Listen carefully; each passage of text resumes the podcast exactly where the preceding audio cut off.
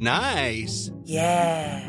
What you're hearing are the sounds of people everywhere putting on Bombas socks, underwear, and t-shirts made from absurdly soft materials that feel like plush clouds. Yeah, that plush. And the best part? For every item you purchase, Bombas donates another to someone facing homelessness. Bombas. Big comfort for everyone. Go to bombas.com slash ACAST and use code ACAST for 20% off your first purchase. That's bombas.com slash ACAST. Code ACAST. Hey there, it's Michelle Norris. I'm host of a podcast called Your Mama's Kitchen. When I travel, I'm usually looking for a way to find a taste of home when I'm not at home. And one of the things I love to do when I am at home is entertain. And Airbnb allows me to do that. When I was in California recently, I rented a house that had a great kitchen. And when we were sitting around the table, we're all thinking, we're in someone else's house. Someone could be in all of our homes as well. If you have a home, but you're not always at home, you have an Airbnb. Your home might be worth more than you think. Find out how much at airbnb.com/slash host. Ryan Reynolds here from Mint Mobile. With the price of just about everything going up during inflation, we thought we'd bring our prices down. So to help us, we brought in a reverse auctioneer, which is apparently a thing. Mint Mobile unlimited premium wireless. Ready to get 30, 30, bit to get 30, bit to get 20, 20, 20, bit to get 20, 20, bit to get 15, 15, 15, 15 just 15 bucks a month. So, Give it a try at mintmobile.com slash switch. $45 upfront for three months plus taxes and fees. Promo rate for new customers for limited time. Unlimited more than 40 gigabytes per month. Slows. Full terms at mintmobile.com.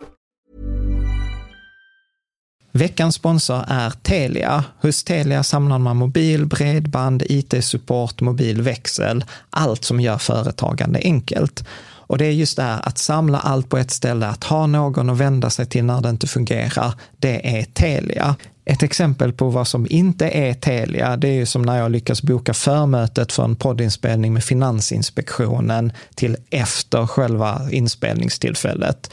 Eller när jag här, här året var liksom, fick för mig att jag skulle börja springa, så jag är liksom ute och springer taggad, träffar en kompis som säger så du Jan, på måndag ska jag springa ett lopp.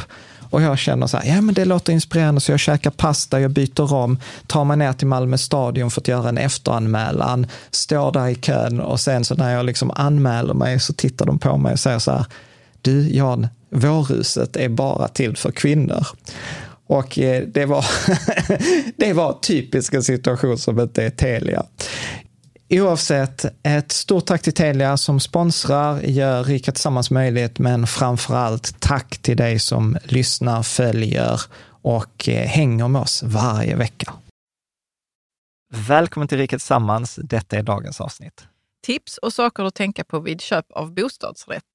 Ja, men vi tittar på vad ska man prata om, till exempel en årsredovisning för en bostadsrättsförening, vilka nyckeltal eh, är rimliga att räkna fram eller jämföra. Vi tittar på exempel när det har gått fel och liksom generella tips eh, från då Mikael Goldstein som har skrivit två böcker på ämnet. Varmt välkommen till Rika Tillsammans-podden som handlar om allt som är roligt med privatekonomi och livet. Varje vecka delar vi med oss av vår livsresa, våra erfarenheter, framgångar och misstag så att du ska kunna göra din ekonomi, ditt sparande och ditt liv lite rikare. Vi som driver denna podden heter Caroline och Jan Bolmesson. Välkommen till dagens avsnitt, 313 i ordningen, som är ett sånt här avsnitt som jag tänker så här, gud, varför har vi inte gjort detta tidigare? Mm. Och eh, det är roligt för att eh, det handlar om så här, hur ska man köpa en bostadsrätt eller saker att tänka på? Att vi hade ju ett samarbete för eh, med där vi tittar så vad ska man tänka på när man säljer en lägenhet eller en villa och nu tittar vi från andra hållet. Och vi gör detta tillsammans med en författare som heter Mikael Goldstein, som eh, då för tio år sedan skulle köpa en bostadsrätt till sin son, eller tillsammans med sin son, och blev frustrerad över att det skulle vara så himla svårt. Eh, ja. Så att då gjorde han det som alla gör i en sån situation, att man skriver två böcker på 600 Ja, sidor. precis. Man nördar ner sig och delar med sig av sin kunskap. Nej, det är inte alla som gör det. Ja. ja, men jag tycker det är roligt för att eh, han är ju inte alls i branschen, utan att han är så här, jag tror var lektor eller jobbade på universitetet. Ja. Så detta var ju liksom lite så här en frustration och liksom lite så här projekt eh, när man går till Men pension. det är kanske en fördel också att komma utifrån och säga Ja. så det här och det här och det här är obegripligt. Varför Ja. är det det? Liksom? Ja, och hur Mm. ska man tänka? Nej, men och jag gillar det för det blir, det blir många liksom så konkreta tips, upplever så här nyckeltal att kassan ska vara i relation till omsättningen eh, på, i föreningen och hur ska man liksom tänka kring så här gömda fallgropar? Mm. Eh, vad, vad kan det finnas för dolda värden? i, i, i föreningen. Vad kan man göra? Så jag tror att detta är, detta är bra, både för den som ska sälja, men jag tror också att detta kan vara bra för den som bor i en bostadsrättsförening. Och det var definitivt bra för mig som har varit lite så här, jag fattar inte riktigt bostadsrättsgrejen, att jag har varit lite rädd för det. Och nu mm. känner jag ändå så här, men nu kan man närma sig det problemet på, på, ett, helt, eh, på ett helt annat eh, sätt. Så att, eh, ja men var det något annat du tänker? Nej, jag tänker, jag tänker mer som att det är bra timing. Eller jag vet inte om det är bra timing att det, detta kommer nu, men nu är det ju liksom mycket prat om att räntor går upp och så för bostadsrättsföreningar. Att, det är, ja, att folk är lite oroliga kanske, ja. tänker jag. Ja, men mm. precis. Och då, då, då, kan det ju verkligen vara också så saker man kan ta upp, eller titta på i sin mm. studie, få en förståelse för hur, hur, hur ligger det till? Mm. Så att eh, Mikael har skrivit de här två böckerna, Köp rätt bostadsrätt eh, och Köpa osett. Och detta är inget sponsrat, vi har inte fått någon ersättning, Mikael har inte fått någon ersättning, utan detta var så här, ja men jag tror att, och hoppas att du som lyssnar eller tittar på detta får värde av det. Så att jag tänker så här, vi gör det inte svårare än så här, utan vi släpper på eh, Mikael och så ses vi nästa vecka. Varmt välkommen Mikael Goldstein. Du är ju docent, du har en bakgrund inom psykologi, eh, jobbat på Ericsson i många år, men framförallt du har skrivit två stycken böcker. Eh, en som heter så här, Köp rätt eh, bostadsrätt, som du skrev tror jag 2016 och sen har du nyligen 2021 skrivit eh, en bok som heter här Köpa osett. Eh, bostadsrättsköp i planerad nyproduktion, en handbok för den försiktige. Så varmt välkommen till oss! Tack så mycket, tack! Är det något du vill lägga till i presentationen? Nej, det är utmärkt presentation, tack! Men för, om, om vi börjar eh, där, hur kommer det sig, för att om jag förstod rätt så, så började du liksom på den här boken Köp rätt bostadsrätt redan typ 2012. Kan du inte, ja. liksom, kan du inte berätta om eh, bakgrunden? Hur, hur kommer det sig? För det är två ganska ordentliga böcker för den som, eh, som lyssnar. Ja, det, det började med att vi skulle hitta lägenhet i Solna för vår son. Och eh, på den tiden så var det hetsig budgivning och man hade några dagar på sig att bestämma sig, gå på visningar och så började budgivningen. Och det var enormt stressigt och då skulle man läsa årsredovisningen också för varje förening. Och eh, då tänkte jag så här, jag är docent, jag har förmodligen alla koppar i skåpet. Eh, jag har skrivit ett 50-tal rapporter, vetenskapliga jag förstod ingenting. Och eh, då tänkte jag så här, om jag inte förstår någonting, kan det vara så att det finns fler där ute i etern som inte heller förstår någonting? Och då satte jag mig ner och försökte eh, fundera, hur skulle man kunna eh, köpa en lägenhet åt sonen som hade vettig ekonomi? Och, och det var på den eh, på det sättet det började, för jag förstod inte årsredovisningen, jag förstod inte mycket överhuvudtaget eftersom jag var lekman. Jag kunde inte det här området för tio år sedan. Mm. För, för, för, för, det där är också någonting som jag tror att du skriver om mycket i, i början av boken, att du skriver så här, men som konsument så är man lekman och man har ganska mycket rättigheter. Så man har så här reklamationsrätt och man kan ångra sig, man kan skicka tillbaka en, en vara. Men när det gäller köp av bostad så är det tydligen liksom precis tvärtom då, då har du liksom efter köpet har du ingen ångerrätt. Eh, du ska vara expert, eh, liksom ansvar, ansvaret ligger på dig. Vill du, vill du säga någonting mer om det? Ja, det jag tycker bara det är lite paradoxalt därför att bostadsrätt är lös egendom och eh, då tycker man kanske att man skulle kunna få lämna tillbaks om det var någonting som inte var som det skulle. Men det gäller tydligen inte den här typen av eh, objekt. Mm. mm. Men ska vi bara förtydliga varför man behöver läsa årsredovisningen för bostadsrättsföreningen? Hur menar Vissa du då? vet ju inte ens vad det är för någonting, en årsredovisning.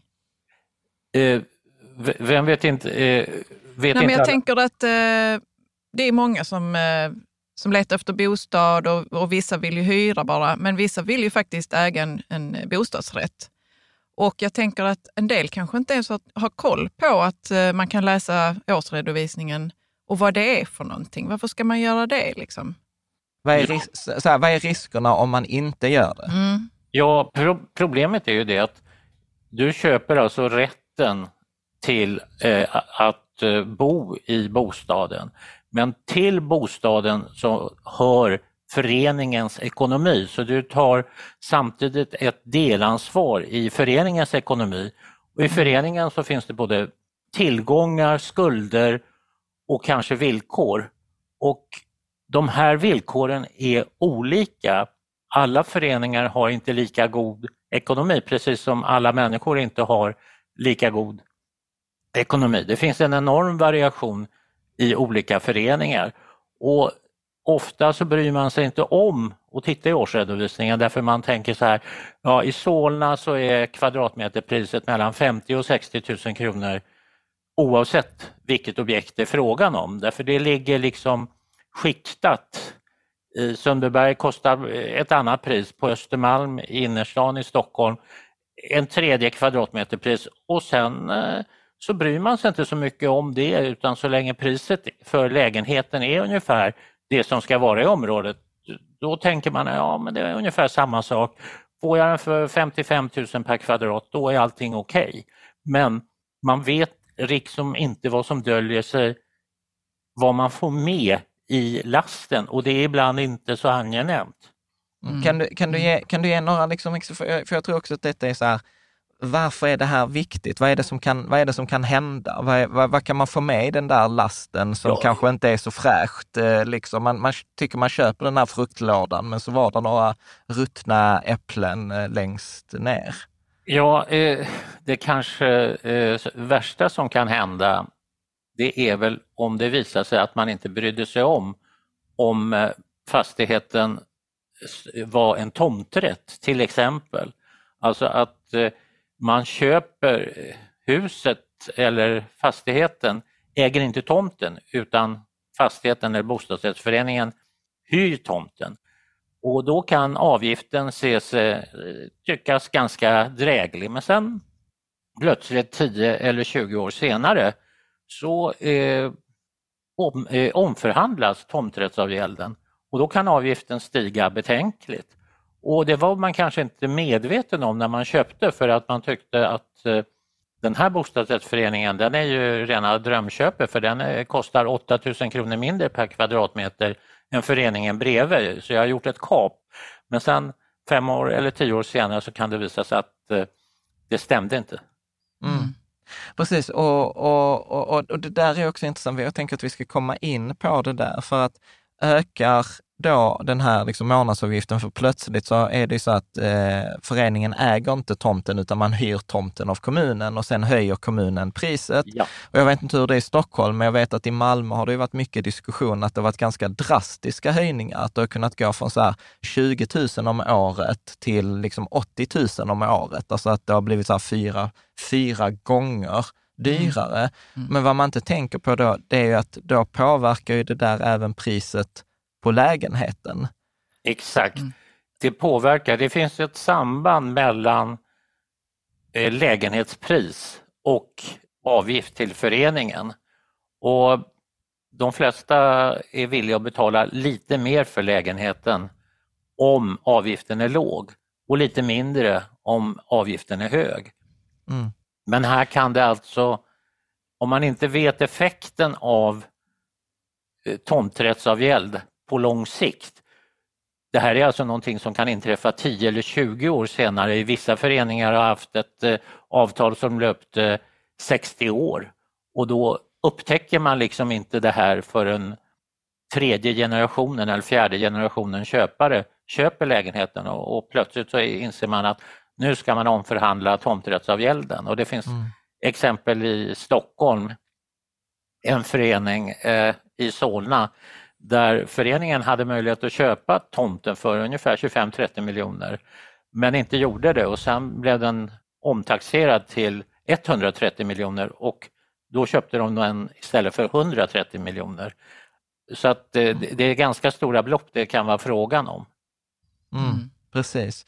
Men, men, eh, men jag, jag, tänker så här att innan vi ska prata om så här begrepp som påverkar pris och faktorer som påverkar pris, alltså allt det som du skriver om i, i din bok, så är det så att jag har ju, eh, och jag vet inte om detta är rationellt, men jag har ju varit lite rädd för bostadsrätt. Eh, alltså vi gick ju från hyresrätt till, till villa och någonting som jag liksom upptäckte var ju att många pratar ju om det som att man jämför så här, men jag betalar ju lite hyra till banken istället för att betala hyra till en, en eh, hyresvärd. Och så tänkte jag så här, man pratar ju nästan aldrig om den ekonomiska risken. Alltså att det är ju väsensskillnad. Så, med bostadsrätt tänker du? Ja, med, med en bostadsrätt, precis. Att, att man tar, med ett eget boende så tar man ett ansvar för fastighetens skick, man tar, man tar en ganska stor ekonomisk risk. Hur, hur tänk, och detta också med att bostadsrätt, många tror att man äger sin lägenhet. Nej, det gör du inte det heller, utan du äger ju bara rätten att bo där. Vad, vad, tänk, vad, är, vad är din liksom så här, reflektion eller din tanke kring det? Ja, eh, all form av eh, investering är ett eh, risktagande men eh, på något vis så är den här bostaden, den eh, är ju, man kan ha nytta av den medan man bor i den. Alltså man måste, vi måste ju ha någonstans att bo. Och eh, en bostadsrätt har man ju ändå ganska bra kontroll över vad som händer. Man bor ju i lägenheten. Det finns ju andra former av risker, man kan köpa aktier. Mm. Men eh, det är inte säkert att man har lika bra kontroll över, över det hela och om aktierna skulle så att säga gå fel, då har man kanske, ja här har man i alla fall någonstans att bo. Mm. Men, men, det blir liksom som att varje gång jag hör det här om bostadsrätt och vad som, vad, vad som kommer med i det här paketet, jag brukar inte gå och tänka på det till vardags, men varje gång jag hör det så blir jag helt avtänd på bostadsrätt. det är liksom som att man tänker, man tänker inte på att det är en investering och att man har inte kontroll över vissa parametrar som man tror kanske att man har kontroll på. Så tänker ja. jag när du pratar om att det är en investering. Ja, eh, men om man bor i en hyreslägenhet så kanske man inte har upptäckt nu på senare tid att man heller inte har perfekt kontroll över avgiften eftersom den följer inflationen och eh, kan tydligen stiga mycket mer än förväntade 2% som den ska göra årligen. Så att eh, det är en eh, risk att bo i en hyreslägenhet också, att man kan mm. få kraftigt förhöjd avgift. Ja, mm. men det jag tänker så här, i, i början av boken så skriver du om så här, begrepp som påverkar priset och då pratar du om så här, marginalnytta, bruksvärdeshyra och asymmetrisk information. Kan du inte beskriva lite vad du, vad du tänker med att och hur, hur det påverkar priset på en bostadsrätt? Eh, ja, eh, ska, eh, om vi tänker på asymmetrisk eh, information, då är det väl det att eh, man har lite svårt att tolka allt eh, föreningens ekonomi. Det är alltså, det var i alla fall då eh, problematiskt. Sen har det ju kommit till exempel alla brf.se som har en femgradig eh, kvalitetsskala på föreningens ekonomi så man kan mycket snabbt få en ungefärlig bild av föreningens ekonomi. Och Det kan ju vara tryggt för en person. Och sen eh, är frågan om man vill utnyttja den eller inte. Mm.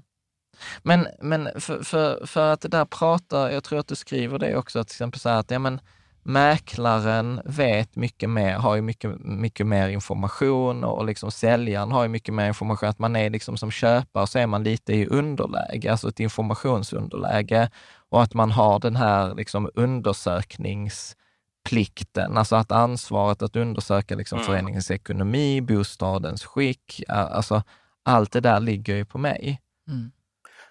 Ja, eh, det stämmer och eh, det är ännu värre i den andra boken när man ska köpa någonting som inte finns.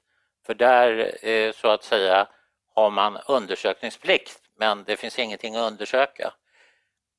Ja. Och, och, vi kanske inte, vi kanske tar det till, vid ett senare tillfälle, men om du skulle ge liksom eh, highlights, alltså för att ny, alltså så här, nyproduktion känns ju för mig helt galet att köpa nu 2023 när vi spelar in detta, så är det ju liksom också sådana här alltså rättstvister kring ja. det där, där, där eh, folk försöker komma ut ur köpet och, och sen liksom bostadsbolagen är inte så sugna och, och, folk hamnar, kommer inte ur affären och så blev det dyrare och nu gick räntorna upp och vissa har ju till och med inte ens fått lån för mm. det där de skulle köpa för att läget har förändrats. Vi, vad, tänker, vad tänker du kring det? Ja, att eh, konsumentskyddet inte är så lyckat eftersom det här är ju livets största affär. Det kan ju vara fråga om både 5 och 10 och 15 miljoner ibland. Så att mm. eh, det, antagligen måste väl lagstiftningen ändras så småningom för jag misstänker att det kommer att vara tusentals människor som tecknade förhandsavtal för två, tre år sedan som nu upptäcker att de kommer inte klara att flytta in i sina nybyggda lägenheter 2023 och 2024 de är samtidigt bundna av ett förhandsavtal som är värre än en option eller termin. Mm. Men, men så, så här, om man skulle säga generellt, för jag, jag, skulle, jag skulle nästan våga gå så långt och säga så att jag skulle avråda folk från att teckna alltså, nyproduktion. Va, vad tänker du? Ja, eh, det, det är ett av råden att man inte ska göra det, men det är hemskt lockande att flytta in i ett nybygge och eh, det sätter fart på drömmar och lycklig framtid och så, så det, det tillfredsställer, tillfredsställer ett behov hos många. Men problemet är att eh, man inte riktigt vet vad som händer så man tar egentligen en ännu större risk än när man köper på begagnat-marknaden eftersom man är helt låst ibland tre år fram i tiden och det är en ganska lång tid. Ja. Och, och om vi ska hoppa tillbaka där till de här begreppen med till exempel bruksvärdeshyra. Hur påverkar, liksom, vad är det för något och hur påverkar det liksom priset på en bostadsrätt? Ja, alltså det är ofta så att avgiften i föreningen, i en bostadsrättsförening, bör vara lägre än bruksvärdeshyran i området.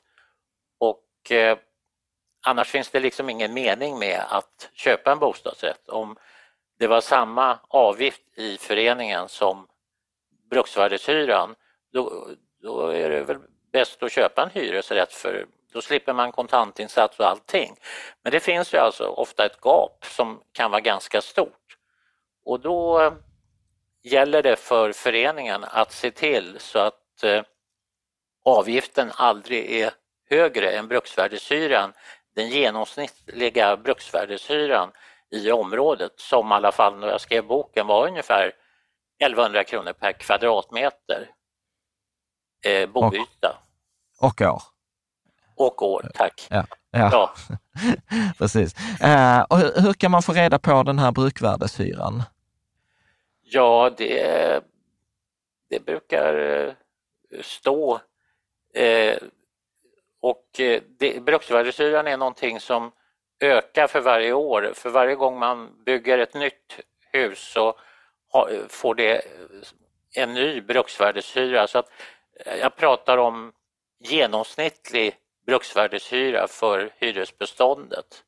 Så att en, mm. ett nybygge idag har kanske en bruksvärdeshyra på 2400 kronor per kvadratmeter och inte 1100 kronor. Så det är dyrare att flytta in i nyproduktion. Mm. Men, men för, för, för, jag tänker, för, för, resonemanget, om jag tolkar det rätt, är ju så här, varför ska jag ta en ekonomisk risk och ta stora lån och liksom ta ansvar för, eh, för en fastighet och vara påverkad av grannarnas ekonomi, när jag kan liksom eh, för marginellt dyrare eller samma peng bo i en hyresrätt där jag slipper alla de riskerna. Så en bostadsrätt ska ju de facto vara billigare än en hyresrätt eftersom vi, vi tar bort en väldigt mycket risker. Kan man, kan man resonera så? Eh, ja, det, det, kan, det kan man väl. Ja. Du, du, ser, du ser skeptisk ut, eller? Ja, alltså eh, det är ändå... Ja, det är en svår fråga här. Det är inte bara att säga hur saker och ting är, men hade det varit så att eh, det hade funnits eh, vettiga hyror i Sverige så tror jag inte bostadsrätterna hade varit så populära. Mm. Nej men exakt, för, för det blir ju ett problem, för många har ju inte alternativet att flytta till en hyresrätt för att där finns inte hyresrätt helt enkelt. Absolut, det var ju, jag tror vi hade en eh, så här före detta mäklarchef i något avsnitt och han sa ju så att i Sverige så är hyresrätten på sätt och vis ett underskattat lyxboende på, på många sätt. I och med att det är dyrt, tänker du? Eller? Nej, att, eh, nej, precis tvärtom. Att i många sätt, om man kan få tag på en hyresrätt så kan de ibland vara liksom felprissatt med hyresregleringar och den typen. Så att en, en lägenhet i ett attraktivt område kunde vara billigare än en lägenhet, ny lägenhet i ett oattraktivt mm. område. Mm. Ja, men det är bra att du upp, friskar upp mitt minne. För jag minns det som att vi pratade också om rätt dyra hyreslägenheter. Eller dyra och dyra, alltså hyreslägenheter. Så det är ju det att, eh, vill du säga någonting, du kan nog detta bättre än mig, men alltså så att, att hyresmarknaden, eller fastighetsmarknaden i Sverige är ju ganska dysfunktionell. Ja, jag, jag håller med er. Det är problem där med, det finns ju någonting som heter marknadshyra mm. och eh, marknadshyra får man inte ta ut utan det, det går på bruksvärdesprincipen och eh, hyrorna är reglerade så att eh, eh, det skulle ju vara lättare om marknadshyror infördes men det skulle ju medföra att massor med människor skulle bli tvungna att flytta. Så det är ingenting man kan bara besluta från den ena dagen till den andra och, och då har man det här bruksvärdessystemet istället. Ja, och vet, vet du så var det kommer ifrån eller vad det, vad det är? Nej, men eh, det, det, vet jag inte. Jag vet bara att det ja. finns. Uh, men, uh, och sen så det sista du sa också så här, som begreppet som påverkade priset var så här, marginalnytta. Så hade du så illustration med päron, tror jag, eller vad det var. Ja, så det där, ja, ja det är det där eh, att eh, marginalnyttan, det är det där att om du har någonting, eh, om du har ett äpple så tycker du att det är, är du villig att betala ganska mycket för att få just ett äpple om du inte har något äpple. Men har du eh, tre äpplen, då är du inte så mycket intresserad av att betala ytterligare för att få de här äpplena och har du fem äpplen kanske man får ont i magen när man Precis, har ätit det upp tionde, dem. Det tionde inte... äpplet som jag ska äta, då är jag till och med villig att betala någon för att jag slipper äta det. Någon annan kan få äta det åt mig. Ja, och tydligen så styrs priset av margi marginalnyttan i vissa fall när det gäller lägenheter. Att eh, en etta kostar ofta betydligt mer per kvadratmeter än en femma därför att en etta är 20 kvadratmeter och då bara för att ha en bostad är man villig att betala hemskt mycket för att bara komma åt den. Men sen om en lägenhet är 100 eller 110 kvadratmeter stor, då är man inte så mycket, då är man inte intresserad av att betala så mycket extra för de där 5 eller 10 kvadratmeterna extra eftersom man redan har så mycket. Det, det, det, eh, och då påverkar det priset så att stora lägenheter blir ofta billigare. Men sen finns ett omvänt fenomen som heter statusvärde. Och eh, där är det en annan prissättning. Och det, och, det, och det, brukar ofta uppstå i storstäder med paradgator och lite sånt där. Och där är det plötsligt eh, stora paradvåningar, det har ett statusvärde. Och där är det en annan köpkategori som har gott om pengar. Och då har det ingen betydelse. Så då blir det så att en lägenhet på 200 kvadratmeter, den är mycket, mycket dyrare än en etta därför att det finns så få. Mm. Så att lägenheter prissätts, jag vill bara visa att lägenheter kan prissättas olika och alla går inte den här eh, eh, marginalnytteprincipen. Mm, precis. Och sen, sen tänker jag att du, du pratar också om eh, här, eh, liksom andra faktorer som påverkar priset. Att till exempel så här, men det, det, vanligaste som man alltid brukar prata om det är så här location, location, location. Alltså så här geografiskt eh, läge, ja. eh, bostadsyta, månadsavgift och inre skick. Att det är de eh, fyra viktigaste faktorerna. Vill du säga någonting eh, om dem, liksom dess inbördes eh, påverkan eller inbördes ordning? Ja, men eh, just eh, läget är ju, verkar ju vara det som styr mest. I, I ett visst område så kostar lägenheter ett visst pris och det, det hjälper inte hur mycket man lyxar till lägenheten inuti och sätter dit guldkranar och grejer om den ligger så att säga i fel område. Den får ändå inte det där eh, extrapriset. Mm.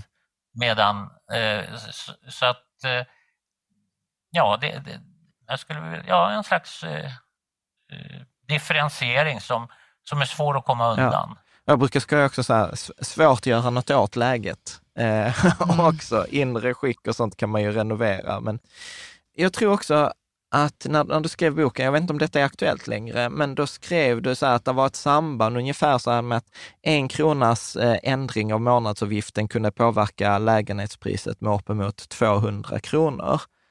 Skulle du säga att det fortfarande liksom gäller och att det liksom, hur, liksom, hur kom du fram liksom, till tumregeln? Ja, alltså, det var det på den marknaden som var eh, när jag skrev boken. Och det är mycket möjligt att eh, det har eh, förändrats idag. Mm. Eh, men problemet är att när man tittar på data, så fort man publicerar någonting så, så blir det dagen efter så blir inaktuellt. Det inaktuellt. Ja. ja, därför att det bygger på tidigare historia och man kan inte så att säga tala om framtiden för då blir det profetier och tror. Det här är liksom byggt på den marknaden som var precis då. Mm. Att men, då såg det ut på det här men, viset. Men, men jag tänker att det är ändå liksom ett bra, bra sätt att sätta, liksom att sätta, där är ju ett samband mellan månadsavgift och, eh, och priset på lägenhet, det som vi pratade om innan. Att om plötsligt föreningen behöver ta upp högre, eller ta upp eh, högre lån och räntan ökar, ja men då kommer ju månadsavgiften öka och ökar månadsavgiften så kommer priset, eller priset på lägenheten, att allt annat lika, att, att, att, att sjunka. Eh, liksom. Så att, eh, ja. så att, och det ska vi också prata för där finns lite olika, liksom, olika sätt. Eh, och sen, sen, sen pratar du ju någonting i, i, i, i boken, så pratar du också om det här med Eh, att det finns dolda skulder och dolda tillgångar. Eh, där där liksom den dolda skulden är liksom så här, tomträttsavgäld, radon och enstegstätning. Vill du säga någonting mer om det? Ja, det är just det där att när man eh, köper en bostadsrätt så blir man delaktig i föreningens ekonomi. Och är det en tomträtt så är det så att eh, man måste eh, räkna in det eh, när man ska titta på totalekonomin om man avser att bo i föreningen en längre tid. Ska man bara bo i föreningen ett eller två år kanske inte har någon betydelse därför de här avtalen förnyas var tionde eller var tjugonde år. Men de flesta människor bor ju lite längre och då kan det påverka eh, ekonomin ordentligt en, en sån här sak som tomträttsavgälden. För att eh, mark är en evig resurs och den förslits inte medan byggnader som inte är eviga resurser, de förslits alltid. Och det är så i en årsredovisning att man redovisar bara förslitning på byggnaden, för marken är evig. Så den har liksom ett mycket större värde än vad man tror. Ibland är marken betydligt mycket mer värd än huset som den står på. Och sen eh, var det det där med eh, radon. Det är ett, liksom ett eh, stort problem eftersom man byggde under, ja fram till eh, början på 1980 eller 1990-talet så bygg, använde man bygg, byggmaterial som innehöll radon. Och radon finns både i byggmaterial kan finnas och i marken. Och i marken finns det alltid radon. Men den är lätt att åtgärda för den kan man ventilera bort. Däremot om radonet finns i byggnadsmaterialet, då är det svårare. Och eh, de har visat på att det finns ordentliga samband mellan till exempel rökning och radon. Så att eh, det ger upphov till cancer. Så att det är verkligen inte att rekommendera om man är till exempel rökare och flytta in i ett radonhus. Mm. Så att det är en radonsanering kan vara mycket dyrbar. Jag tror, jag tror, jag tror, att, jag tror att du hade något exempel i din bok också, att det var i någon kommun så var det, det var ingen bostadsrättsförening, utan det var någon kommun som ägde hyreshus, där man upptäckte det här radonet och då rev man fastigheterna och byggde nya för att det, det var billigare än att försöka sanera dem.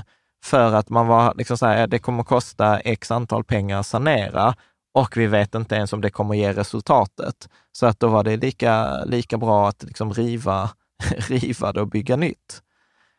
Ja, det var ju Upplandsbro. Eh, min fru och jag, vi var ute där och fotograferade och, och, och, och det var varningstexter och allting och det var hus som var ungefär 40 år gamla mm. som de skulle riva och då tänkte man så här, tänk om det här hade varit en bostadsrättsförening.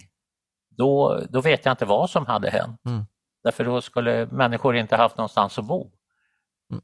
Så att, eh, och hade det dessutom varit tomträtt, då hade det varit ännu ja, då äger man inte ens marken. Men kan man säga kring, tomt, kan man säga kring tomträtt att, att, eh, att det nästan alltid är bättre att köpa ut den?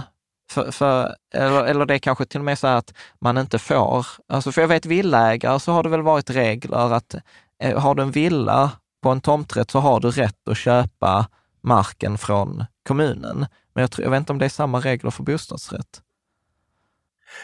Jag tror att det är samma sak, men det viktiga är ju det där att eh, i början så var tomträtt jättebra därför att eh, det möjliggjorde för många människor att Eh, eh, komma in och få en bostad till vettigt pris eftersom man inte behövde betala för själva tomtmarken utan man betalade bara ett arrende och så länge fastighetspriserna var låga och så, så var det här jättebra. Nu har det visat sig att tomträtt har blivit en black om foten. Så att eh, i början var det ju jättebra för det möjliggjorde för fler att skaffa bostad till ett rimligt pris. Mm. Och, och eh, jag, jag, tänker, eh, jag tänker där sista då här med enstegstätning. Det, ja. det pratar du om också i boken. Ja, det är det att eh, de sista åren har man byggt med någonting som kallas för enstegstätad putsad fasad. Och det är alltså Problemet är att en fasad ska hålla ungefär 40 år. Avskrivningstiden för en fasad är cirka 40 år. Och då har man upptäckt att eh, i den här putsen så bildas mikroskopiska sprickor. Och sen så när det regnar så tränger fukt in och via kapillärkrafter så kommer fukt in bakom putsen. Och då om det finns organiskt material i de här väggarna då uppstår mögel. Så det, det, kan så att säga resultera i att man plötsligt inser att man, man är agronom och odlar mögel på vertikalt eftersom eh, man vet inte om att man har en mögelodling i huset. Och det är extra känsligt om folk är allergiska. Mm. Och att sanera en fasad det är jättedyrt och problemet är då att de här skadorna, om de upptäcks så upptäcks de vanligtvis efter garantitiden. Därför det är ingenting som man kan se direkt utan man måste borra i fasaden och fuktmäta och hålla på. Så att har det gått en 10-12 år och man upptäcker det där, då finns det inga garantier som kan åtgärda den utan då får föreningen sanera fasaden. Och då finns det, eh, och det kostar mycket pengar. Mm. Men är det så att man eh, bygger med den här eh, typen av tätning numera? Har inte det blivit väldigt stora rubriker kring detta? Ja, det var det för massa år sedan. Jag... Men, ja, jag... det stämmer. det stämmer. Jag tror inte man använder metoden i, idag, men för tio år sedan så byggdes det hus och även för 20 år sedan. Så det finns ett bestånd där många eh, är tvungna att eh, fasadrenovera. Antingen eh, så är det utvecklaren eller byggföretaget som gör saneringen. Men problemet är om de gör saneringen då återställer de fasaden till en enstegstätad fasad.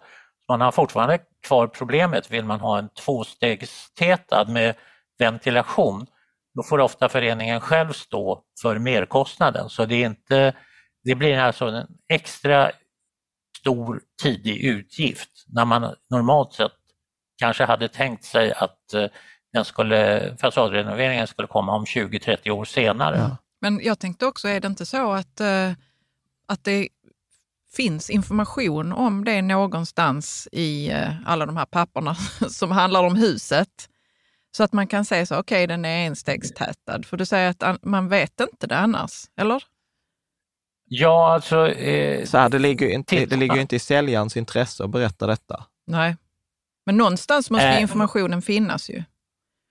Ja, alltså det beror på om du talar om eh, nybygge eller en lite äldre förening. Alltså eh, problemet är att i nybyggnation, där är det ofta mycket kryptiskt eh, skrivet. Det står kortfattad byggnadsbeskrivning och då står det fasad med utfack, utfackningsvägg. Och man har ingen aning om vad den här fasaden innehåller eller på något sätt, så det är inte specificerat men det är inte ens säkert att folk i föreningen vet vad det är för typ av fasad, för det, det har man inte tänkt på. Så det är alltså en, en, en, risk. Eh, och eftersom man har undersökningsplikt så ska man undersöka om fasaden är enstegstätad och även om man har tagit prover. Men det är kanske inte alla som är intresserade eller bryr sig.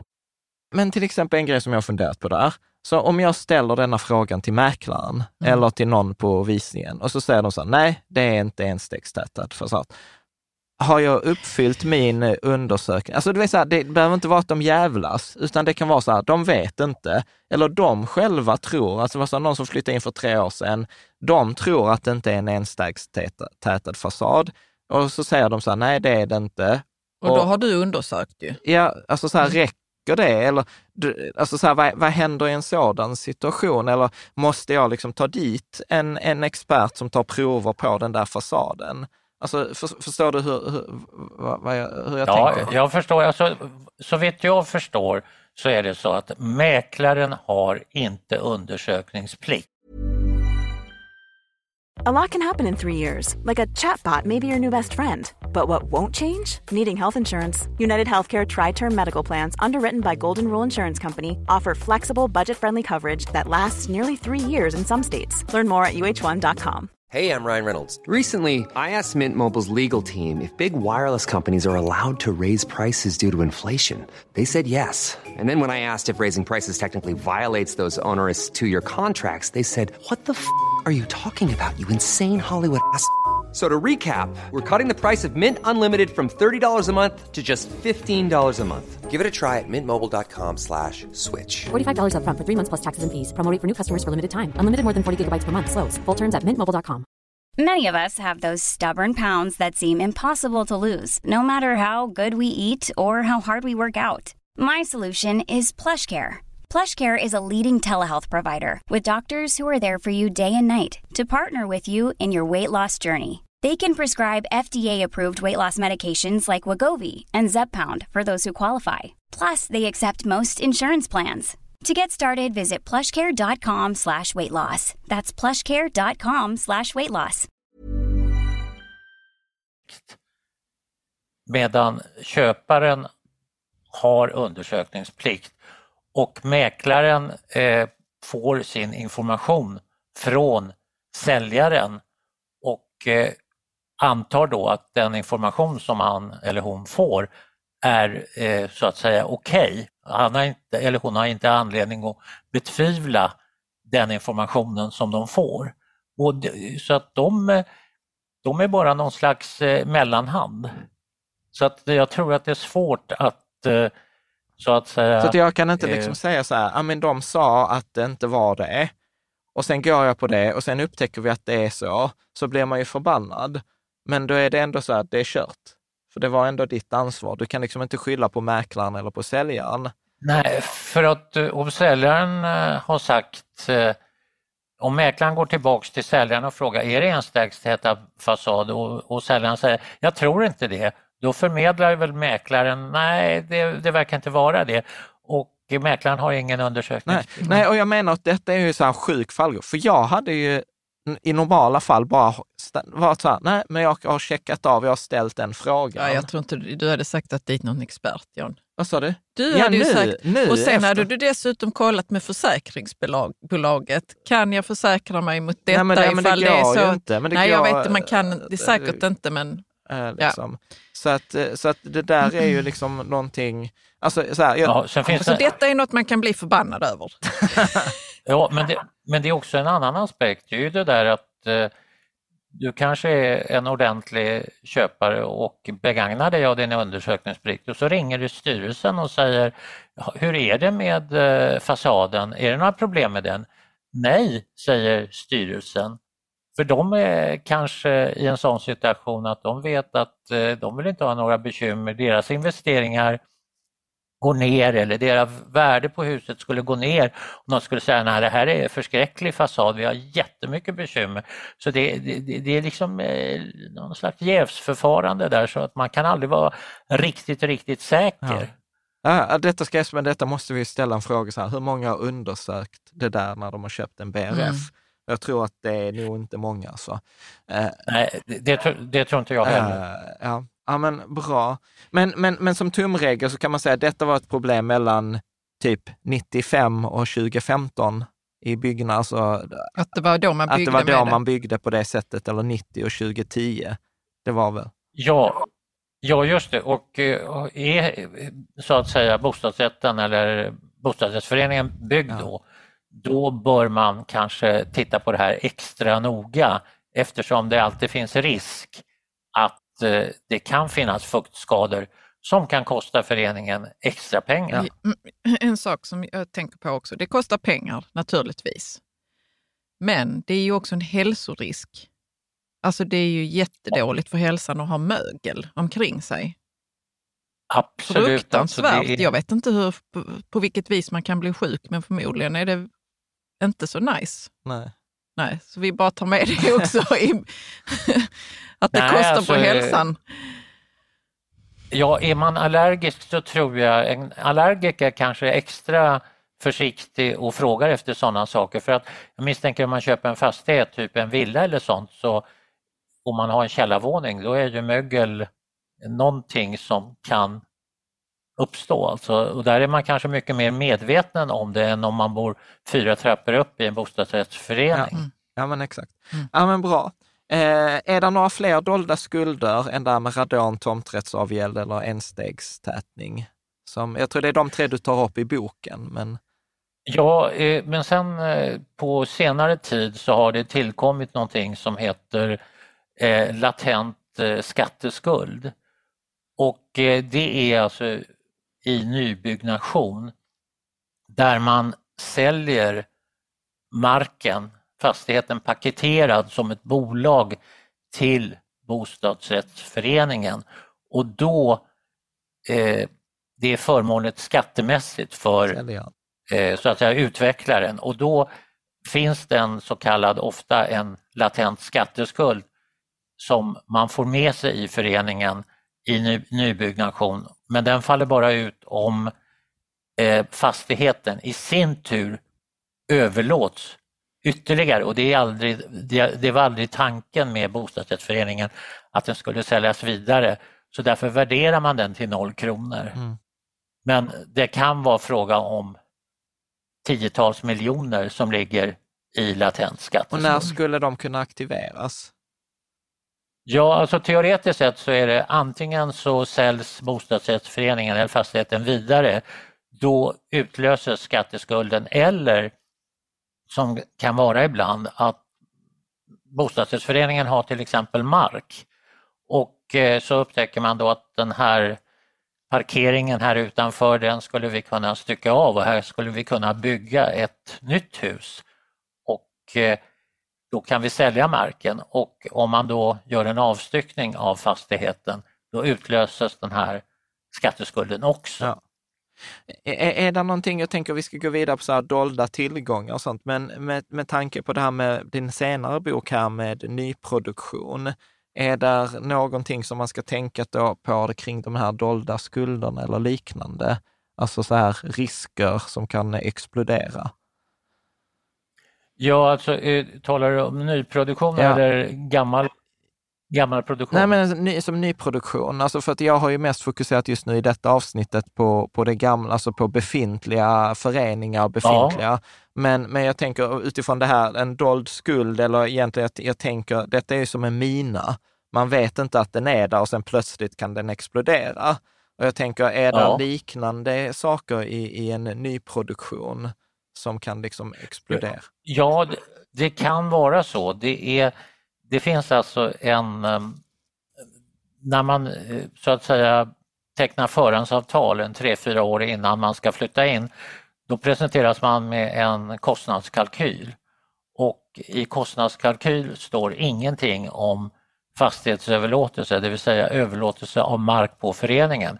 Den måste redovisas i ekonomisk plan som registreras i samband med att eh, bostadsrätterna upplåts med bostadsrätt två, tre år senare.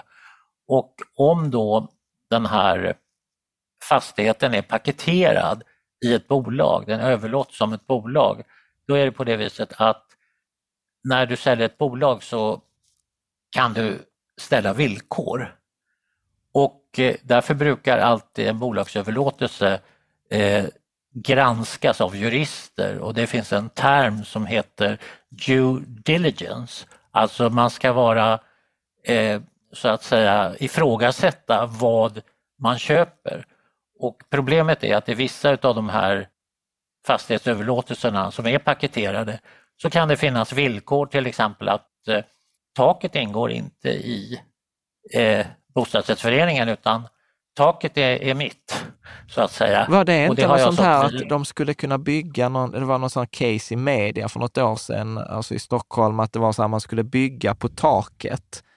Ja, det, det finns alltså en förening i norra Djurgårdsstaden där eh, det var en paketerad fastighetsöverlåtelse och där taket inte ingick i eh, själva bostadsrättsföreningen och det kände alltså inte köparna till så de upptäckte senare att det skulle bebyggas en ny bostadsrättsförening och det där taket det var värt ungefär 120-130 miljoner kronor. Och eh, det har lett till stora problem därför att eh, eh, man vill bygga där. Det är ett byggbolag som vill bygga där men för att bygga så måste man förstärka den underliggande byggnaden och eh, då kan det resultera i att många av de här bostadsrättsägarna de får kanske en stor vägg i vardagsrummet mitt i för att det måste förstärkas för att eh, av någon anledning är den här konstruktionen inte tillräckligt tålig för att tåla flera nya påbyggnationer. Och det håller på, de håller väl på att tvista om det ja. Eh, just nu och jag vet inte utgången. Men är det inte så också att de här ekonomiska planerna har varit så här, för det, det tycker jag man har läst också i media, att många av de här ekonomiska planerna har varit väldigt, hur ska man kalla det, optimistiska? Ja, alltså jag kallar dem eh, glädjekalkyler ibland, ungefär som eh, man sätter glädjebetyg i, i skolan, att alla får högsta betyg. För det är alltså ett litet problem där därför att eh, Interimsstyrelsen Interimstyrelsen den, den tillsätts utav utvecklaren, utav bostadsutvecklaren och det är ofta människor som är kanske anställda i eh, utvecklarens företag som driver eh, bostadsrättsföreningen under byggnation. Och de utser någonting som kallas för intygsgivare och intygsgivare intygar att eh, ekonomin är hållbar. Och om intygsgivarna till exempel eh, av någon anledning inte tycker den är det, då kan interimstyrelsen focka dem och tillsätta några andra som är mer så att säga välvilligt inställda till ekonomin. Som går i, i, i, i, i led liksom. ja, och, och då blir alla föreningar som dyker upp då, de har hållbar ekonomi, vilket är en paradox mm. eftersom, eh, alla fall vad jag har kommit fram till, så bland de 19 som jag tittade på så var ungefär var tredje hade inte hållbar ekonomi. Och nu verkar det som om, ja, det ligger något i det. Ja, mm. ja precis. Eh, men jag tänker om vi tittar då på motsatsen, så kan det ju finnas dolda tillgångar, att det inte är en begravd mina som exploderar, utan man, det är en begravd skatt eh, istället. Och, och, då tror jag att då var det så här, hyresrätter har du skrivit och belåningsmöjligheter. Och jag tror att du skrev till och med så att en hyreskrona kan balansera liksom flera lånekronor. Så vill du säga någonting mer ja. om de här dolda tillgångarna? Ja, alltså det är så att eh, vissa föreningar eh, under början på 2000-talet, det var ju många hyresfastigheter som ombildades till bostadsrätter. Och då var det ofta så att av någon anledning var alla inte, kunde alla inte vara med och, eh, eller de ville inte vara med i bostadsrättsföreningen. Antingen utav ideologiska skäl eller utav ekonomiska skäl. De kanske inte kunde få ett lån på 2-3 miljoner för att gå in i föreningen. Och då fortsatte de att hyra enligt eh, eh bruksvärdesprincipen. Men nu blev det alltså bostadsrättsföreningen som var uthyrare från att förut så hade man en fastighetsägare. Och eh, en dag så kanske den här lägenheten blir ledig och eh, då har eh, bostadsrätten möjlighet, bostadsrättsföreningen möjligheter att upplåta den med bostadsrätt och sälja den på marknaden. Och om det finns fem eller tio sådana i föreningen då kan det vara att föreningen sitter på en tillgång. Det är ungefär som en djupfryst, eh, eh, ja, djupfryst oxfilé i frysen då, som plötsligt kan eh, blomma upp därför nu blev en lägenhet ledig och nu, föreningen kan sälja den för 4 miljoner kronor och allting kommer till alla medlemmar. Problemet är att man aldrig vet när det där händer. Man, det kan hända nästa vecka men det kan ta 20 år innan en lägenhet blir ledig. Så det är alltså en, eh, det är en tillgång men man vet aldrig när man kommer åt ja. den. Ja, men precis. Eh, och sen så var det så här belåningsmöjligheter, pratar du om också? Ja, det, det, jag, jag kände på något vis att eh, på den tiden att 10 000 kronor per kvadratmeter, det var ungefär det värsta som en förening kunde ha i föreningslån per kvadratmeter boyta. Och eh, då såg jag att många föreningar, de hade, det var de som inte hade någon belåning. Och det var någon som hade 2 eller 3 tusen kronor per kvadratmeter. Och då tänkte jag så här, om, om jag har möjligheter att låna, då har jag ett belåningsutrymme. Så att har föreningen 3 000 kronor per kvadratmeter i lån, fast, eh, föreningslån, ja då kan man låna upp 7 000 kronor teoretiskt sett. För sen när man lånar mer, då börjar avgiften i föreningen att tangera bruksvärdeshyran. Och det tyckte jag då att omkring, eh, om den blir mer än 1100 kronor per kvadratmeter och år, då eh, kan man fråga sig vad som är mest lönsamt, att bo i hyreslägenhet eller bostadsrätt. Och då såg jag det här som en tillgång att kunna få låna. Och då tyckte jag att eh, det borde komma med i ekvationen. Så ja, precis, för det har du i din bok, att du försöker liksom så illustrera detta som, liksom som en modell. Men jag tänker också där, för nu var, nu var du inne på det här med, med belåning och eh, jag kollade lite på, eh, vad heter det, på de här allabrf.se och då, då såg de att eh, snittet i Sverige på belåning låg väl någonstans runt 54 500 eller 5 000 kronor. Ja. Och de, jag tror att de satte att en låg belåning var under 3 500 kronor. En mellanbetyget fick man på mellan 3 500 till 6 500 och de ansåg att en hög belåning var över 6 500. Eh, tycker du ja. att det är rimligt? Eh. Jag tycker det är hemskt rimligt. Eh, problemet är ju bara det att eh, i all nybyggnation idag så har man överskridit den här belåningsgraden med råge. Eh, det är alltså bland de 19 föreningar jag tittade på var det ingen som hade under 10 000 kronor i belåning per kvadratmeter. Jag hittade en förening som hade 24 000 kronor per kvadratmeter i belåning. Vilket är helt sjukt och, i, i min värld. Eh, ja, enligt min uppfattning så tycker jag att det är lite sjukt men eh, det finns ju alltså ett eh, affärsintresse och vinstmotiv i att lägga så mycket lån i föreningen. Precis, för, för detta, tror jag, detta tror jag är, super, mm. superviktigt. Eh, för, och detta kan jag också säga, sen, återigen, vi bor inte i bostadsrätt så att jag har inte detta naturligt, men innan jag började läsa, läsa din bok här och innan jag började googla så trodde jag att 10 000 är ganska normalt och nu inser jag så här, nej, ja. nej det är det egentligen inte. Men bara för att förtydliga för, för någon som lyssnar här, alltså när du köper en bostadsrätt så lånar ju du pengar på, på din bostadsrätt.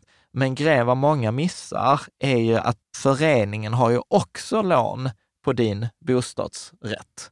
Mm. Så att när vi pratar här belåning per kvadratmeter så pratar vi alltså inte om din belåning. Du kan köpa hela detta kontant och föreningen har fortfarande 10 000 kronor i kvadratmeter i lån på din, förening, alltså på, på din lägenhet som du är solidariskt medskyldig att, att betala via månadsavgiften. Och det, det är en sån grej som jag tror att många inte har tänkt på, att nu när räntan höjs under 2023 så blir det på något sätt en dubbelsmocka för att belåningen ja. höjs för dig privat, men för många kommer ju belå, alltså, lånen höjas även i föreningen. Lånekostnaderna? Oh ja. ja. Och ja, det verkar ju som om det nu eh, till och med är rättsfall på gång där man vill häva köpet på grund av att avgiften har skenat iväg och samtidigt har ju då eh, de här intygsgivarna godkänt att så att säga ekonomin är hållbar, vilket är ohållbart. Alltså. Ja. Precis, precis. Så att, så, att, så att detta är väl liksom ett av de, skulle, skulle du säga att, eh, eller vi kommer egentligen till resultat och balansräkning, men, men jag upplever som att detta är kanske ett av de viktigare nyckeltalen eh, att titta på, så här just vad är, vad är belåningen i, i föreningen? Kan man säga så? Ja, eh, det är eh, ett mycket viktigt nyckeltal, men man ska komma ihåg att eh, det har lite grann att göra också med de hyresintäkter som föreningen har därför att eh, hyresintäkter, då talar jag alltså om intäkter av garageplatser, eh, eventuella bostadsrätter eh, som Hyreslä hyreslägenheter, hyreslägenheter och lokaler. Och framförallt lokaler. Det kan balanseras mot eh, så att säga eh, räntekostnader för föreningslån. Så har vi till exempel en oäkta förening. Vi behöver inte gå in på det men det är alltså en förening med mycket stora hyresintäkter. De kan ha 70 000 kronor i belåning per kvadratmeter men de har enorma hyresintäkter. Så att eh, det är så att säga nettokapitalkostnaden som är viktig. Mm. Ja, precis. Bra. Sen, sen så eh, naturligtvis synlig tillgång, det är ju kassabank, alltså vad har, vad har eh, föreningen i, i, pengar på kontot kan man säga. Men eh, jag, jag tänker en sån här som jag tycker är klurig, är ju avskrivningar. Ja. I, i, en, i en resultaträkning. Och så som jag brukar tänka kring avskrivningar i ett företag, då är det så att jag ska köpa en stor maskin och så kostar den kanske 10, 000, 10 miljoner.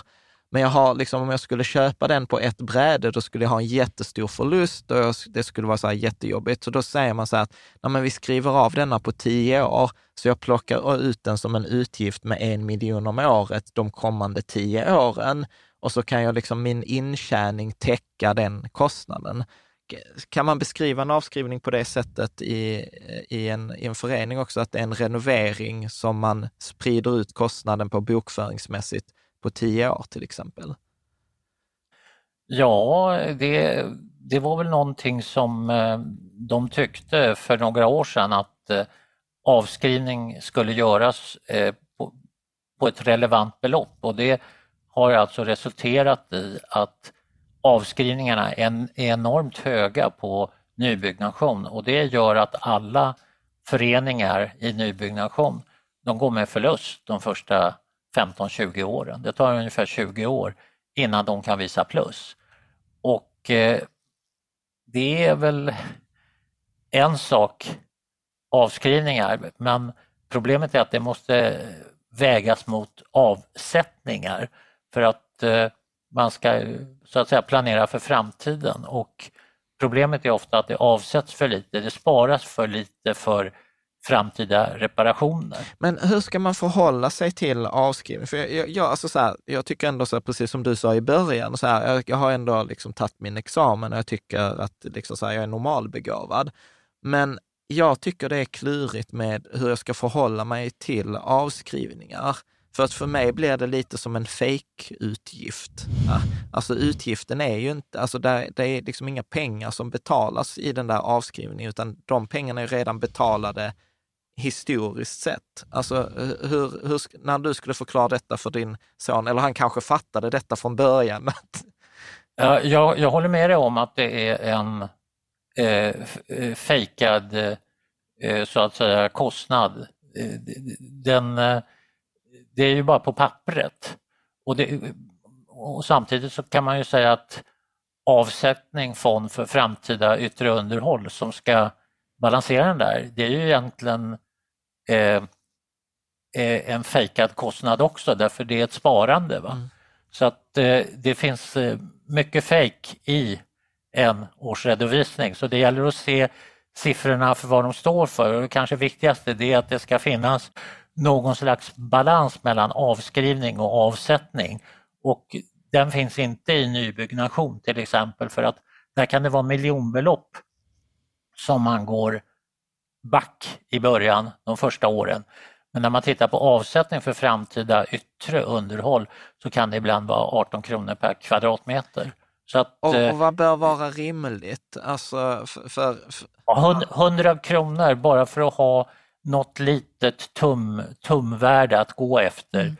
så, så, hamnar man på 100 kronor per kvadratmeter eh, och år som man ska spara för framtida yttre underhåll för att behålla en stabil avgift som stiger med ungefär 2% per år.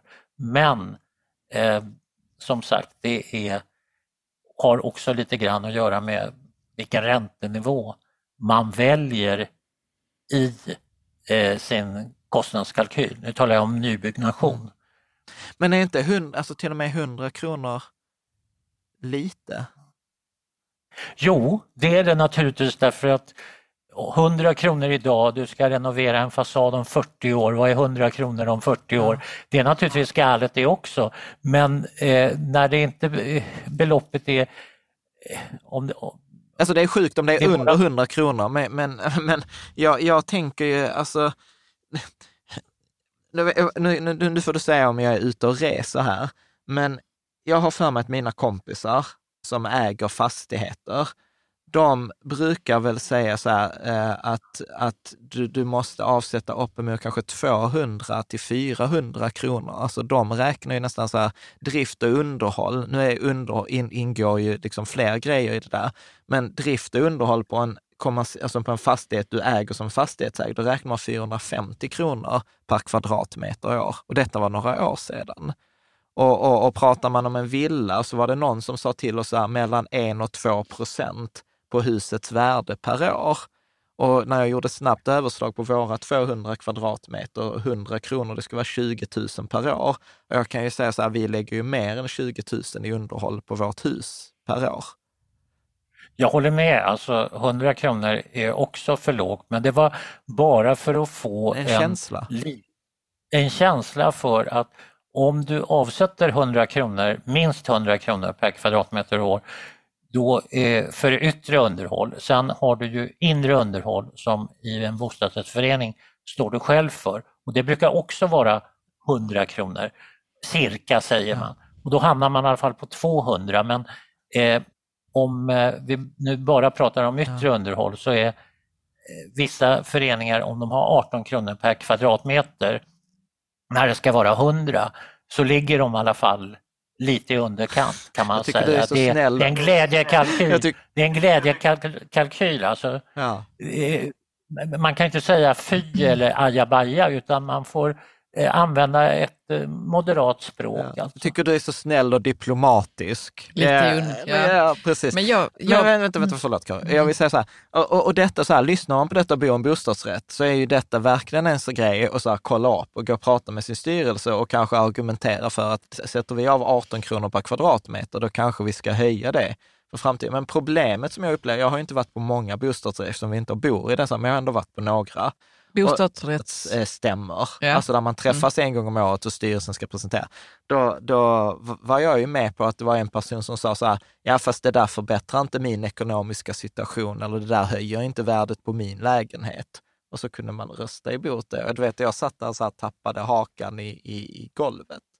Eh, så att ja, ja det var bara en sidospår. Vad skulle du säga? Nej, men jag börjar fundera på vad man själv kan göra för att parera sådana här eh, kostnader som är lite dolda för en när man, när man har köpt en bostadsrätt. Ska man behöva liksom lägga undan till en buffert för att, för att inte det ska drabba ens egen ekonomi? Eller engagera sig i, i föreningen. Ja, det kan- kan man eller, göra, eller flyt- absolut. Eller flytta därifrån.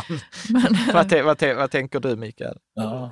Men ja, alltså, om du flyttar in i ett nybygge, då kanske utvecklaren resonerar att eh, ja, men vi sätter 18 kronor per kvadratmeter och år här i avsättning, avsättning fond yttre underhåll. För det kommer inte hända någonting de första 20 eller 30 åren. Därför huset är nytt. Va? Så att man skjuter det här problemet långt framåt. Flyttar in i en äldre bostadsrätt som kanske är 30 år gammalt hus. Där måste de ju, ju tänka framåt därför det är stora renoveringar som är på gång. Stamrenovering, fasadrenovering och takrenovering. Och de- måste avsätta pengar. Annars blir det ju så att plötsligt så höjs avgiften med 100% från den ena året till det andra och det vill man inte ha i en bostadsrättsförening. Det ska ju fungera ungefär som i en hyres hyresfastighet att avgiften beräknas öka 2% per år. Den ska vara stabil och förutsägbar. Men finns det någon man kan vända sig för, för du vet, då, då ser jag ju direkt nästa så här, okej då ska jag kolla på underhållsplanen, för varje förening ska ha en så här underhållsplan, om, om jag förstår det rätt, eller hur? Ja, Mm. och då ska jag sen jämföra den. Är denna underhållsplanen finansierad med de pengarna som finns, det låneutrymmet som finns och den avsättningen som finns? Och jag tänker så att det låter ju nästan enklare sagt än gjort. Ja, det, det, det är det naturligtvis. Eh, men, men du vet ju så här om, om du tittar i årsredovisningen i en förening. Finns det 100 000 kronor i kassan i den ena föreningen och 4 miljoner i den andra, då, då är det nog så att de har avsatt lite pengar för framtida eh, så att säga reparationer. Men, Och sen har det ju ja, förlåt. och, och, och, att göra med belåningsgraden också. Att eh, om du har 0 i belåning i föreningen kanske föreningen inte bryr sig om att spara så mycket för de vet att ah, det kommer en fasadrenovering, ja, då lånar vi upp 2000 kronor per kvadratmeter och fixar det för vi har inga lån. va. Mm. Så det, det, det är en balansgång mellan de Men här. finns det liksom någon man kan gå och få hjälp med det här? För att uppenbarligen får man ju inte hjälp av mäklaren.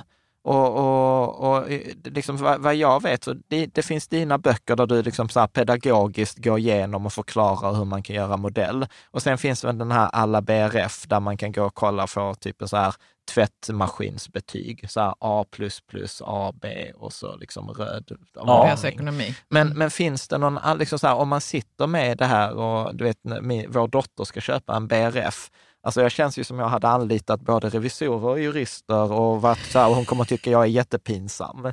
För hon kommer vara den enda som kommer gå där med en snickare och en revisor. Ja, alltså det, det, det är ett problem det där. Alltså, eh, det är hemskt bekvämt att gå till eh, och få en sån här eh, rating eh, som man betalar en liten summa för. Så man har en, tum, en slags hum om hur bra föreningens ekonomi är. Och den här boken som jag skrev den är väl mer tänkt för oss som är lite nördiga som vill gräva i siffrorna och förstå dem bättre eftersom Eh, den här modellen ger ju en eh, grafisk bild av föreningens ekonomi. Och det är kanske inte alla som är intresserade av att titta på grafisk eh, presentation av ekonomin utan det är lättare att titta på A, A plus och, och B. Det, men vilket, absolut, men vet, för mig blir det ändå så här, alltså det är så här, jag ska lägga fyra, alltså vet vi, ibland så pratar jag om att vi ska sälja vårt hus och att vi ska flytta till, till ja, då, min lägenhet. Och då är jag så här i valet kvar, ja men då blir det väl en bostadsrätt. Och sen, det, och sen tänker jag på det här och så blir jag så här skiträdd. Ja, och, så, ja. och så tänker jag så här, ja men ska man lägga flera miljoner på det här? Jag tror fan, alltså så här, då att, att, att man behöver kolla upp och, och lägga tid. Men finns det någon man kan vända sig till? Alltså så här, eh, hur, eller det, det, det finns liksom ingen... Expert som Nej. kanske hjälper. Det- Nej. Nej, jag, jag kände att eh, jag var villrådig då för en 8-10 år sedan när det gällde köp på begagnat-marknaden och när det gäller köp i nyproduktion då tror jag att den här boken är den första boken som tar upp eh, problematiken helt utifrån köparens eh, synvinkel. Mm. Jag tror inte det finns någon, någon annan bok som vågar ifrågasätta nybyggnation Ja, ska, för närvarande. jag ska säga så här, att det, är- du vet, det är ändå helt sjukt, Du- du- det, är så, du vet, så här, det är 400 sidor. Ja. Eh, Alltså den, den är ju lättläst och det är mycket bilder, så att det är inte så, oh den är 400 sidor, det är, oh. Men utan att det är så sjukt mycket, så så här, du, vet, så här, du har ett helt kapitel som är så här, se upp för friskrivningar. Eller liksom så här, när skrivs upplåtelseavtal? Och, eh, liksom, ja, men det är mycket, alltså jag, jag bara upplever ibland att det är nästan som att det känns att vi lägger mer tid på tandborstning än vi lägger på liksom kolla, kolla de här faktorerna på ett, på Ja, ett köp också- som kan kosta oss miljoner. Också för att det inte är kanske så himla lätt. Alltså nu har du ju läst den, den här boken då. Ja. Eh, men det är inte alla som, eh, Som ens vet som att den finns. Nej, som Alltså så vet här, att in- den finns. Alltså eller, då ska vi ändå säga så att det var ju Mikael, du som mejlade oss. Liksom så här, titta jag har skrivit denna boken, så jag hade ju inte ens koll på det, eh, Nej, på det själv. Men jag tänkte fråga en annan sak, eh, om du vet Ja. Mikael. Hur brukar eh, bostadsrättsföreningar, vad, vad har de sina miljoner, om de har det, sparade inför renoveringar och, och så? Var har de det någonstans? Ligger det på något bankkonto? Eller har, Har liksom- det, men alltså, jag ska ens ifrågasätta om de har de pengarna. Då har man väl använt dem för att amortera. Ja, eh, om man, eh, vad heter det nu igen, om räntan var låg så kanske man inte har gjort det eller man har amorterat mycket lite. Eh, det, att, att vara lite belånad är ju inte så farligt idag. Problemet med all belåning det är ju det att om man har stor belåning så blir det en enorm effekt. Har du ett litet lån, du gör ingenting om räntan är 10% det slår ju hemskt lite men har du 20 000 kronor per kvadratmeter och räntan går upp, då, då, då sitter det. Alltså. Jag tänker så här, vi ska snart börja runda av här, prata lite om eh, checklistan och, och eh, resultat och balansräkning. Men för, för de- tre vanligaste, då, om jag förstår det rätt, eh, nyckeltalen, det är då lägenhetspris per kvadratmeter. Det är ju typ det alla tittar på, som du var inne på, att ett visst område kostar en viss eh, krona per kvadratmeter. Ja. Månadsavgift per kvadratmeter eh, och där tror jag att jag såg eh, på alla BRF att 681 kronor per kvadratmeter, det var väl någon, eh, och år, var någon slags snitt för Sverige. Ja. Så att man får en känsla. Och sen eh, belåning per kvadratmeter, alltså inte din belåning utan föreningens Mm. eh, belåning. Men i boken så introducerar du eh, liksom tre andra nyckeltal. Och då säger du att det ena nyckeltalet att titta på, det är så här tillgångsutrymme. Alltså det här som vi pratade om. Vilka är de dolda skulderna och vilka är de dolda tillgångarna? Ja. Eh, och hur balanserar de mot varandra? Eh, sen nästa pratar du om kapitalkostnadsutrymme. Är det detta du med, eh, eller förklarar du det än att jag ska försöka göra det? Ja, kapitalkostnadsutrymme det är alltså helt enkelt att man, man väger räntekostnader mot hyresintäkter. Och eh, har du stora hyresintäkter då kan du ha höga räntekostnader. För det är nettokapitalkostnaden som är intressant. Och eh, då beroende på hur det där ser ut så eh, påverkar det. Och då har jag, tror jag skrev i boken att man bör inte ha en nettokapitalkostnad som är större än eh, ungefär 300 kronor per kvadratmeter och år. Mm. Eh, för att eh, om man har högre och även ska amortera och eh, lite andra sådana där saker, då når man lätt upp till den här bruksvärdeshyran på ungefär 1100 kronor per kvadratmeter som man gärna inte vill överskrida i en bostadsrättsförening. För då, för då är det bättre att ta en hyresrätt? Liksom.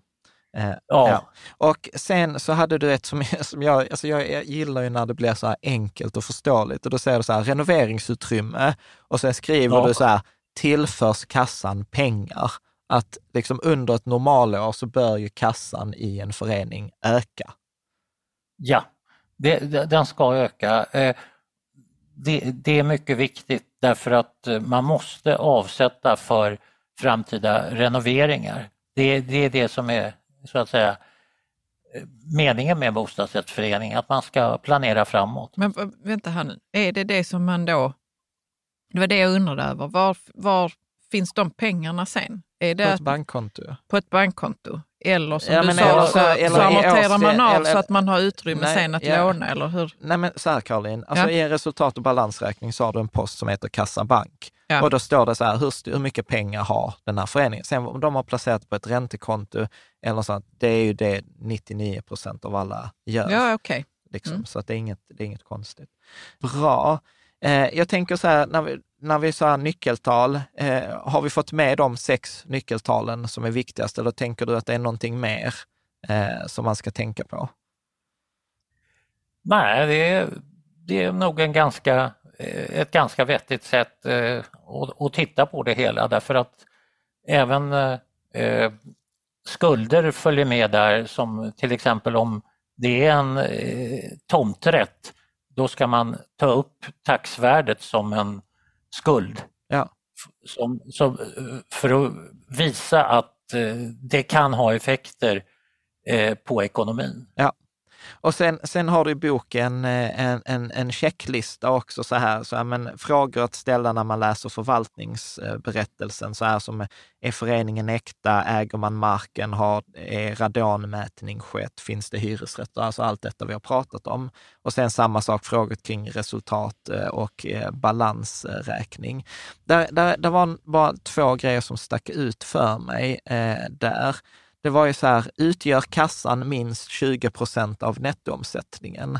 Är det också en så här som man kan ha som tumregel, att, eh, att man ska, eh, liksom hur, hur mycket pengar ska man ha på kontot i förhållande till hur mycket eh, avgifter man tar in? Kan man tänka så? Ja, ja det är en eh, forskare som heter, eh, tror jag, Sandberg som har eh, skrivit det här i en bok och det är för att man ska ha, så att säga, utjämna vid säsongsvariation så att eh, det ska alltid finnas pengar i kassan för det är bra om du har höga el eller värmeräkningar under vintern mm. och så har du låga under sommaren. Då ska det alltid finnas en buffert som kan ta hand om det där så man inte behöver paniklåna. Ja, precis. precis.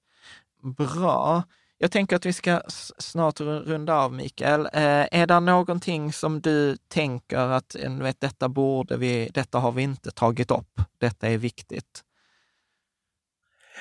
Ja, alltså det, det viktiga är ju att eh, skapa kunniga konsumenter där, därför att eh, vad hjälper det om man skriver böcker och ingen läser dem? Utan det viktiga är att konsumenten tillägnar sig ett kritiskt tänkande om det finns att inhämta och sen ställer de här frågorna för att eh, då blir det ju eh, så att säga, ja då måste mäklaren jobba och ta reda på alla de här sakerna. Så att eh, det kan ju hända att det påverkar priser och framtida byggnationer på ett sätt som gynnar konsumenten. Det är väl det som är... Ja, och, och, och sen tror jag, alltså en aspekt som jag tror man sällan tar upp är ju att det kan vara så att när du använder den här checklistan, eller du har läst din bok, eller man pratar, man läser på och man frågar andra, så kan det vara så att, att man är den som har upptäckt någonting som inte andra gör. För det är lätt att tro att alla andra kan och alla andra gör. Men jag skulle ja. påstå att de flesta gör inte, utan liksom, bara det om man skulle gå in på alla BRF och så titta på AA plus eller så, här, då har du nog gjort mer än majoriteten. Att sen läsa din bok och gå igenom checklistan, ja, alltså så här, det faller bort folk hela vägen. Så ibland kan jag liksom sitta och kolla på investering eller börsen och bara klia mig i huvudet och så här, och så frågar man, är det jag som är dum i huvudet eller är det alla andra som agerar irrationellt? Och här tror jag att det väldigt ofta kan vara, precis som du säger, att alla andra agerar irrationellt. Eh, och eh, att, att ibland är det okej okay att inte köpa den, trots att det verkar bra för att siffrorna går inte ihop eller man får inte svar eller det är inte värt risken. Ja, men, men ofta är det så att eh, bedöma risk, det är något mycket subjektivt. Alltså det är inte eh, så att säga, vi har människor som är risktagare och vi har försiktiga generaler, alltså, och det finns allting däremellan. Och eh, eh, om det hägrar eh, miljonvinster genom att eh, bostadsrätten går upp i pris, då kanske man ruckar lite på eh, principerna för risk eftersom eh, allt, alla bostadsrätter går upp eh, 20% ett år vad gör det om ekonomin är lite sämre eller någonting annat inte är som det ska? Allt går ju upp i alla fall och det är kanske en fälla så många tar eftersom det, det, det verkar vara en sån säker investering så att det kan ju inte gå fel. Va?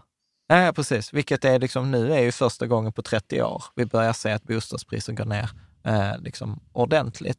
Nej, men jag tänker att där är liksom, för det som vi inte har pratat om så mycket, det är de här faktorerna, så här, ja men nu blev lägenheten tillgänglig i det området där jag velat bo. Och, och, och, och, så är det kanske, nej det är inte den bästa föreningen, men jag har redan väntat i två år på att flytta dit. Och då är det ju lätt att rucka på liksom den här risken. Att då säga, du vet, och så säger ens föräldrar så här, men eh, kassan är mindre än nettoomsättningen eller eh, kapitalkostnadsutrymmet är för litet, då, kommer, då, då, är det ju lätt att vara så här, nej men det skiter jag i. Jag, jag, jag vill bo där. Ja, jag, jag håller med, men eh, det, det, är ju liksom, eh, de här böckerna är ju tänkta för dem som vill eh, så att säga veta vad de köper. Om, om man inte vill veta vad man köper, då har det liksom ingen betydelse. Men jag tycker ju att om man ska lägga ner 5 eller 10 miljoner i, i, i, kapital, göra en jätteinvestering. Och belåna sig för den. och dessutom belåna sig för den. Alltså, du riskerar allt på ett kort. Då borde man vara intresserad av att veta vad man köper. Men det verkar inte som om alla är det. Nej, nej. Och, och, och, jag tror att det beror på att eh, titta på de här årsredovisningarna och ekonomiska planerna och kostnadskalkylerna, det är inte så jäkla lätt. Nej, nej, alltså, men det, det är mycket komplext. Alltså. Ja. Och precis, och tycker du att det är svårt, du är inte ensam. Eh, liksom, utan ta, tack, tack. liksom, eh, du, jag tänker sista grejen så här, vi har inte pratat så mycket om din, den här boken Köpa osett, eh, som är din nya bok, det här med nyproduktion. Vad, om du skulle ge liksom highlightsen inför eh, när vi ska göra nästa avsnitt i framtiden, eh, eller jag hoppas att du vill komma tillbaka och prata om det. Men vad är, vad är highlightsen i den? Vad är höjdpunkterna? Eller de viktigaste grejerna?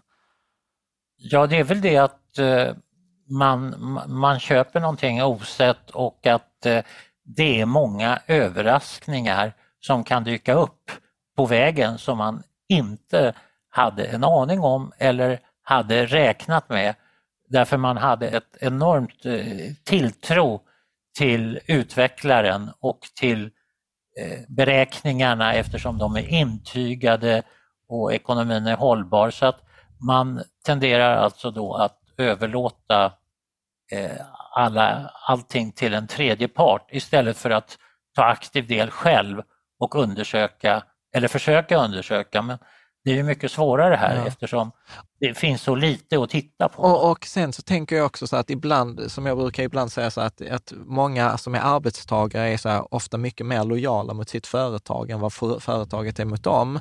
Om vi tar det samma i, i denna världen, så är byggbolagen är inte lojala mot dig som köpare, utan de är ju mer lojala mot sig själva och sina aktieägare.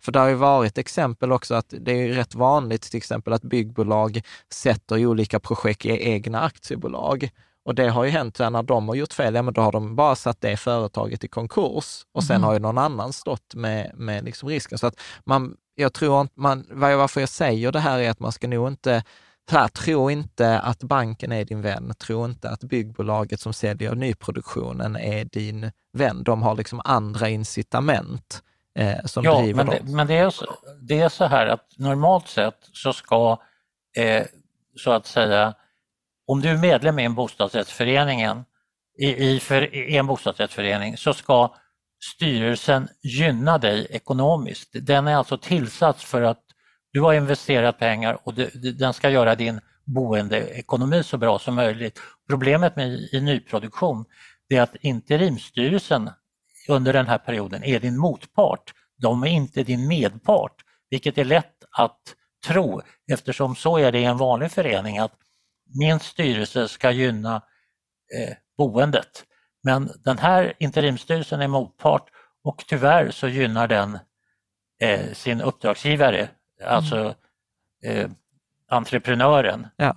utvecklaren. Tyvärr, och, och, och det här bo- borde man kanske eh, vara mer medveten om. Att det här, den här styrelsen den gör allt för att så att säga gynna en annan person än dig. Ja, precis, precis.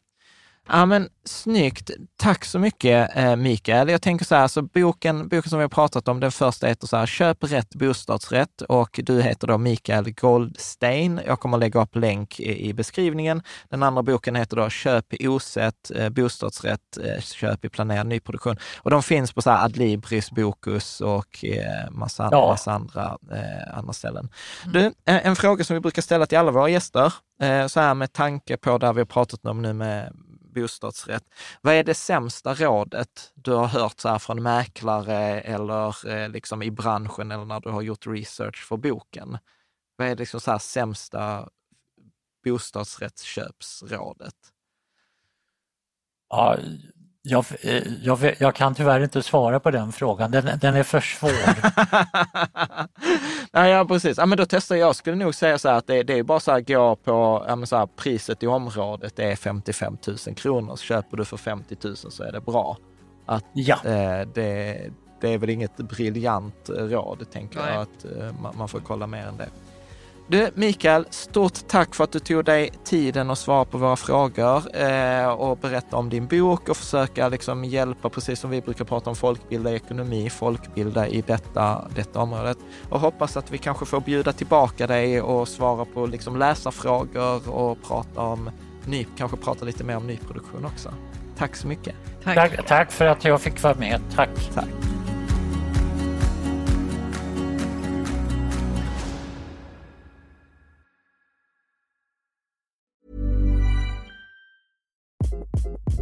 Hi, this is Craig Robinson from Ways to Win, and support for this podcast comes from Invesco QQQ, the official ETF of the NCAA. Invesco QQQ is proud to sponsor this episode and even prouder to provide access to innovation for the last 25 years. Basketball has had innovations over the years too. We're seeing the game played in new ways every day.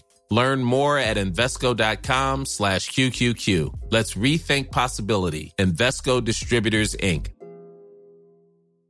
Mom deserves the best, and there's no better place to shop for Mother's Day than Whole Foods Market. They're your destination for unbeatable savings, from premium gifts to show-stopping flowers and irresistible desserts. Start by saving 33% with Prime on all body care and candles. Then get a 15-stem bunch of tulips for just $9.99 each with Prime. Round out Mom's menu with festive rosé, irresistible berry chantilly cake, and more special treats. Come celebrate Mother's Day at Whole Foods Market.